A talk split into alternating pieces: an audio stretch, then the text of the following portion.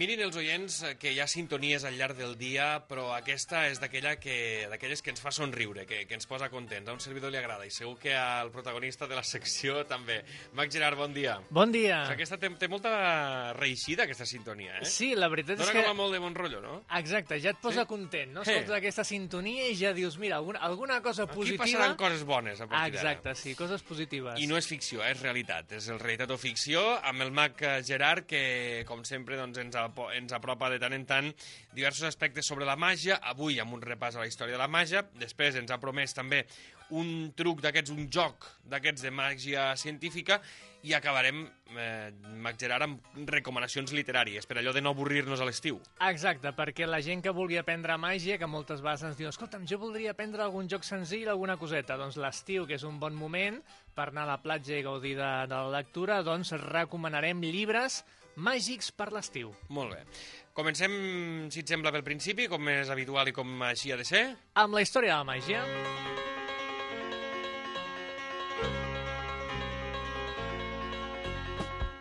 Aquest any es celebra el centenari del naixement de l'Orson Welles i avui parlarem de l'Orson Welles i la seva relació amb la màgia. Abans que res, hem de recordar que aquesta secció la fem conjunta amb el mag Daniel Arbonés, de manera que si entreu a la seva web www.magia.cat podreu eh, gaudir de tot l'especial que ens ha fet d'Orson Welles, amb fotografies, vídeos inèdits, eh, cartells de, de l'època. Així que eh, jo us, us animo que entreu a la, a la web www.magia.cat que fem conjuntament amb Tarragona Ràdio. déu nhi l'Orson Welles que va tocar molts pals i moltes tecles a la seva Molts vida. pals. Mireu, fem un petit eh, recordatori de la seva vida, diguem, cinematogràfica i després la seva relació amb la màgia. Ell va néixer als Estats Units el 1915 a Kenosha i era director, productor, guionista, escriptor i mag. És a dir, que moltes, moltes tecles toca, tocava. A més a més, va ser un nen prodigi, perquè als, 6 anys, als 16 anys va començar la seva carrera teatral, de forma professional. És a dir, que l'home ja guanyava Apuntava maneres, eh? ja, ja guanyava diners als 16 anys com a, com a, com, com, a, com a actor. I cinc anys després va debutar com a actor i director a Nova York.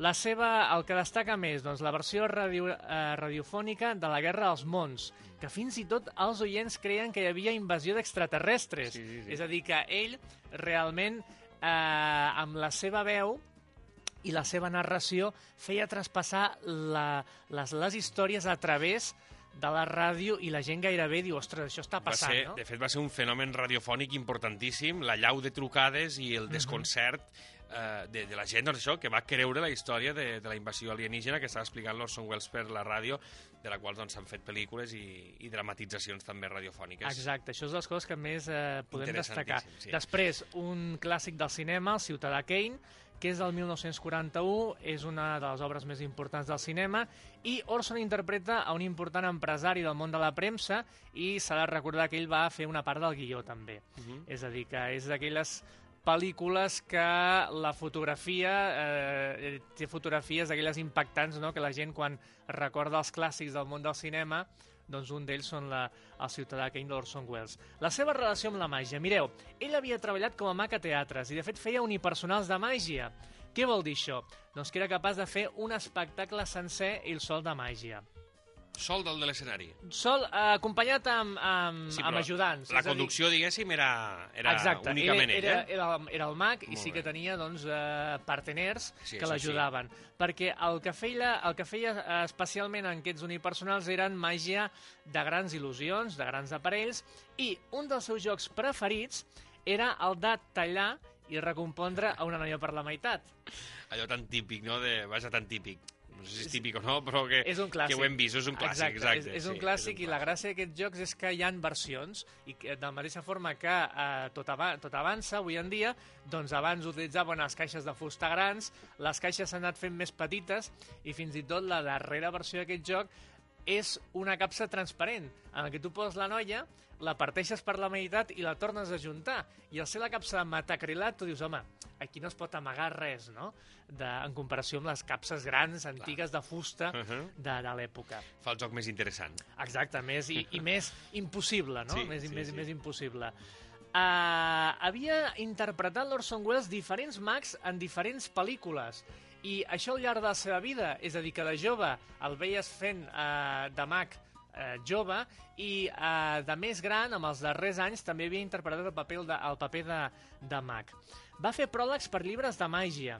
Amb un d'ells, del Bruce Elliot, eh, era molt interessant les, el seu concepte de la màgia, perquè diu el treball d'un mag ha de ser fer desaparèixer la possible explicació lògica d'un joc de mans. Què vol dir això? Que si nosaltres, a l'hora de presentar un joc de mans, anem eliminant totes les, totes les possibles respostes racionals de com hem fet el truc, al final l'espectador diu, no, no, això, això és impossible, això és màgia, no?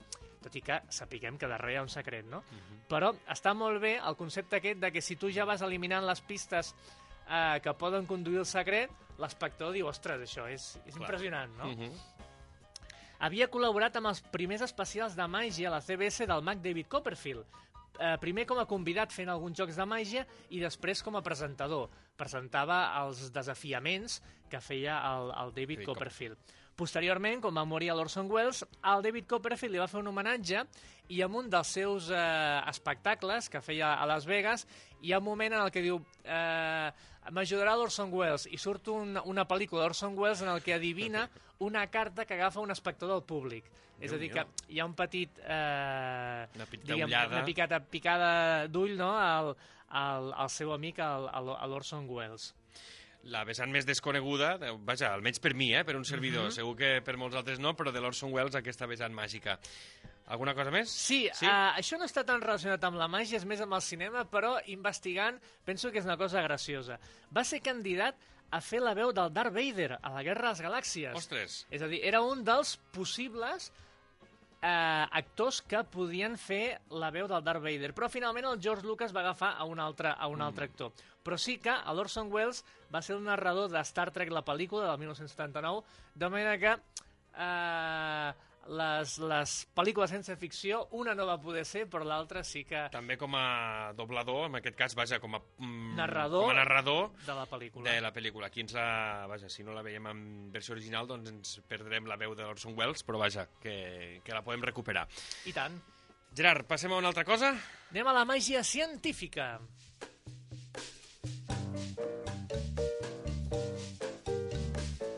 Gairebé que hem de preparar sobre la taula tots els objectes que, que ens has comentat aquest matí? Molt que... senzill, molt senzill. Sí? Eh, necessitem dos gots de vidre i llumins de fusta. Mm -hmm. És a dir, dos... Bueno, en total, tres objectes no? Sí. que la gent pot tenir a casa seva a la cuina. És molt senzill. Molt. Anem Alguna primer- especificació? Els gots han de ser d'alguna manera? No, gots de no, vidre ja van. simplement gots de vidre... I llumins, eh, doncs una capsa de llumins. Una capsa de llumins de fusta. Molt bé. Els llumins que siguin mitjans, és a dir, que no siguin els que són molt petits ni tampoc els que són grans, diguem, per fer barbacoes, Mm -hmm. i els gots doncs, també d'un tamany eh, mitjà. Primer us plantejo una mica el desafiament i després ve- veurem la solució Vinga. de com, de com resoldre'l. Imaginem que tenim els dos gots junts, un al costat de l'altre, i deixem, doncs, més o menys la separació entre un i l'altre perquè ens hi càpiga un llumí que el posarem eh, en contacte amb els dos gots. M'explico, és a dir, els dos gots estan junts, i agafem un llumí, Sí. el posem entremig, entremig dels gots, més o menys que, que, que estigui en una alçada d'un pam Mm. de, de la taula i que diguem que el, el, el llumí està en equilibri, s'aguanta per la pressió dels dos gots. Si jo un dels gots el retiro, evidentment El el, cauria. cau. Ha d'estar en horitzontal, vertical o dona igual? Seria horitzontal. Horitzontal, dir, eh? Perquè el cap quedi... Eh... en contacte amb un, amb un dels, del, dels gots. És a dir, que tindrem el llumí horitzontal, els dos gots... És una mena de pont, perquè us entengueu. Sí, eh? És a dir, sí, sí, tindríem sí. l'estructura i el, i el llumí seria el pont perquè el passadís, no? Bon, que, que val. passaria la, la gent. Perfecte, perquè així ens fem la idea també des de casa. Exacte, ja, ja tenim la imatge. Uh -huh. En què consisteix? Si agafem un dels gots i el retirem, el llumí cau. Doncs el desafiament consisteix en, en retirar un dels gots i que el llumí quedi suspès a l'aire i no caigui. Uh, avís, no es pot utilitzar un fil, és a dir... Clar, no, és que anem en contra de la gravetat, Exacte. No, no podem utilitzar cap element addicional. Hem dit que només podem fer servir el, els llumins que teníem amb la caixa, que, els dos gots de vidre i el llumí que queda en equilibri. És a dir, no podem agafar un fil, aguantar-lo, trauríem, No, no. evidentment s'aguantaria, però suspès per un, per un fil, no? Uh, és màgia científica, és a dir, que té una, una, una, una propietat científica. Jo us explico l'efecte i el que us animo és que després ho, ho proveu a casa com funciona. Mireu, agafeu la capsa que tindreu amb els llumins, n'agafeu un i l'enceneu. I el que heu de fer és acostar el llumí encès a el cap del llumí que descansa amb el got. I quan l'enceneu, veureu que per al foc se queda enganxat a la paret del got de vidre. Uh -huh. I això el que podeu fer és treure'l Per l'efecte del foc. per l'efecte del foc i el contacte amb el vidre, Uh -huh. queda, Quan Una retirem l'altre got... queda una estona en la posició horitzontal, de manera que, gràcies a l'efecte del foc i amb les propietats que té el foc amb el vidre, queda en forma horitzontal i per uns moments s'aguanta en equilibri. Molt bé. És a dir, és un joc que, evidentment, no és perquè el facin els nens, però sí que és que el poden fer els pares per la família, el típic que hi ha un dinar, Sí, hi, ha, quan- hi, ha un, hi ha un àpat, una festa aquest estiu i algú vol sorprendre, doncs el, pro, el prova un moment a casa abans per saber exactament quins tipus de llumins que funcionin, el tipus de got, això sempre S'ha de provar, eh? sempre de... s'ha- de provar que els estris que tenim a casa funcionen. Hi ha gent que em diu, ostres, que no funciona. Dic, home, els llumins, home, estaven una mica humits perquè els Clar, teníem a home, casa llavors no. des de fa un temps, no s'encenien. Home, Materials de qualitat, Gerard. materials de, Gerard, que si no... materials de qualitat i que la gent ho provi abans i vegi que realment eh, funciona amb els estris que, que tenen. Doncs uh, aguantar suspès en l'aire aquest llumí amb Mhm. els dos gots i, i la caixa de llumins és avui el, el joc que ens plantejava el Mac Gerard. Acabem amb les recomanacions literàries? Som-hi!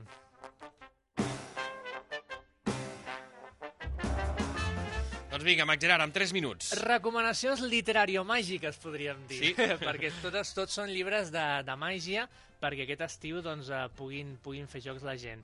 Eh, anem a passar dels més antics, els que fa anys que es van publicar, fins als més nous.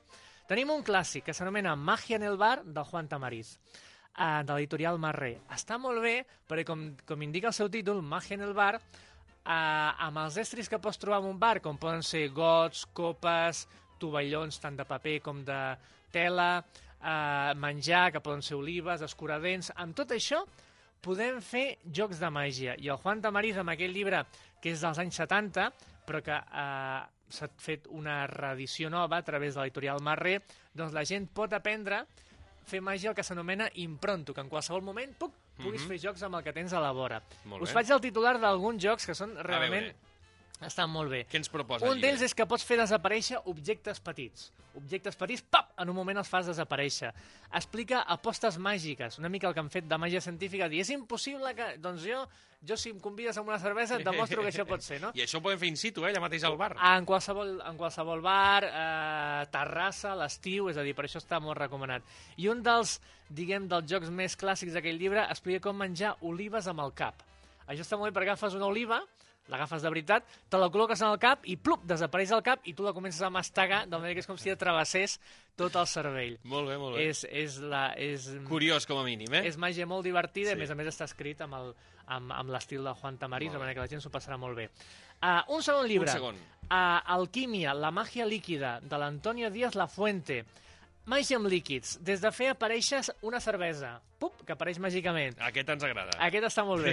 Fins a fer canviar uh, de color els líquids, transformar l'aigua en vi, coses aquestes que, que, que es poden fer gràcies a, a, a la màgia líquida, no? A, o alquímia, que també s'anomena aquell llibre. Alquímia, la màgia líquida d'Antonio Díaz La Fuente, podeu aprendre a fer màgia amb líquids. Aquests dos llibres, el del Juan Tamariz Magia en el bar i el de la màgia líquida, els podeu trobar, per exemple, al tiendamagia.com. Mhm. Es troben només en tendes de màgia, aquests dos que us he dit. eh? És a dir, que principalment heu de fer una recerca a través del Google, Molt bé, són especiali... una mica especialitzats, eh? Exacte, sí, Molt bé. però que eh, són llibres que tothom pot aprendre màgia, no has de ser mag per, per aprendre jocs, és a dir, que comencen des de zero. La màgia al bar i aquesta màgia líquida, aquesta alquímia, gairebé ens convertirem en mags alquimistes, eh? Amb Mags, aquests llibres. Mags alquimistes. I per, per, per acabar, en, en pocs segons, el, el llibre que vaig treure jo per Sant Jordi, els 100 jocs de màgia per deixar-los bocabadats, que és. En català, a través de l'editorial Cossetània, podeu aprendre jocs per fer màgia aquest estiu, amb el telèfon mòbil, amb els estris que tingueu a casa, amb els estris al bar, amb estris d'oficina, en qualsevol moment podeu sorprendre la gent i es troba doncs, a totes les llibreries i grans, Més, grans fàcil- magatzems. més fàcil de trobar, a més amb el valor afegit de que està en català i que l'ha escrit el Mac Gerard.